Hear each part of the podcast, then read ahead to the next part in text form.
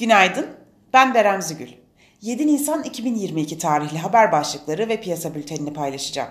FED tutanaklarında bilanço küçültme operasyonunun detayları belli oldu.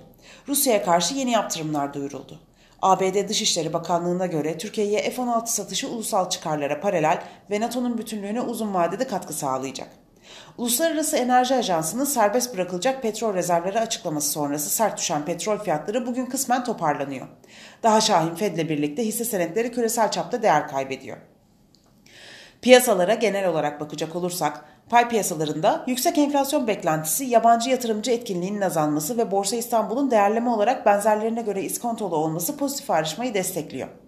Borsa İstanbul kapanışına göre ABD ve Almanya vadelileri yataya yakın seyrederken Asya borsalarında sert satıcılı bir seyir var. Teknik analiz verilerine bakacak olursak gün içinde 2285 ve altına gerileme trade amaçlı alım fırsatı, 2370 ve üzerine yükseliş ise kar satışı fırsatı olarak takip edilebilir.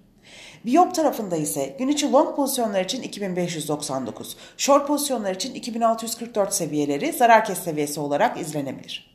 Borsa İstanbul'un ve endeks kontratının güne pozitif başlamasını bekliyoruz. Kazançlı günler dileriz.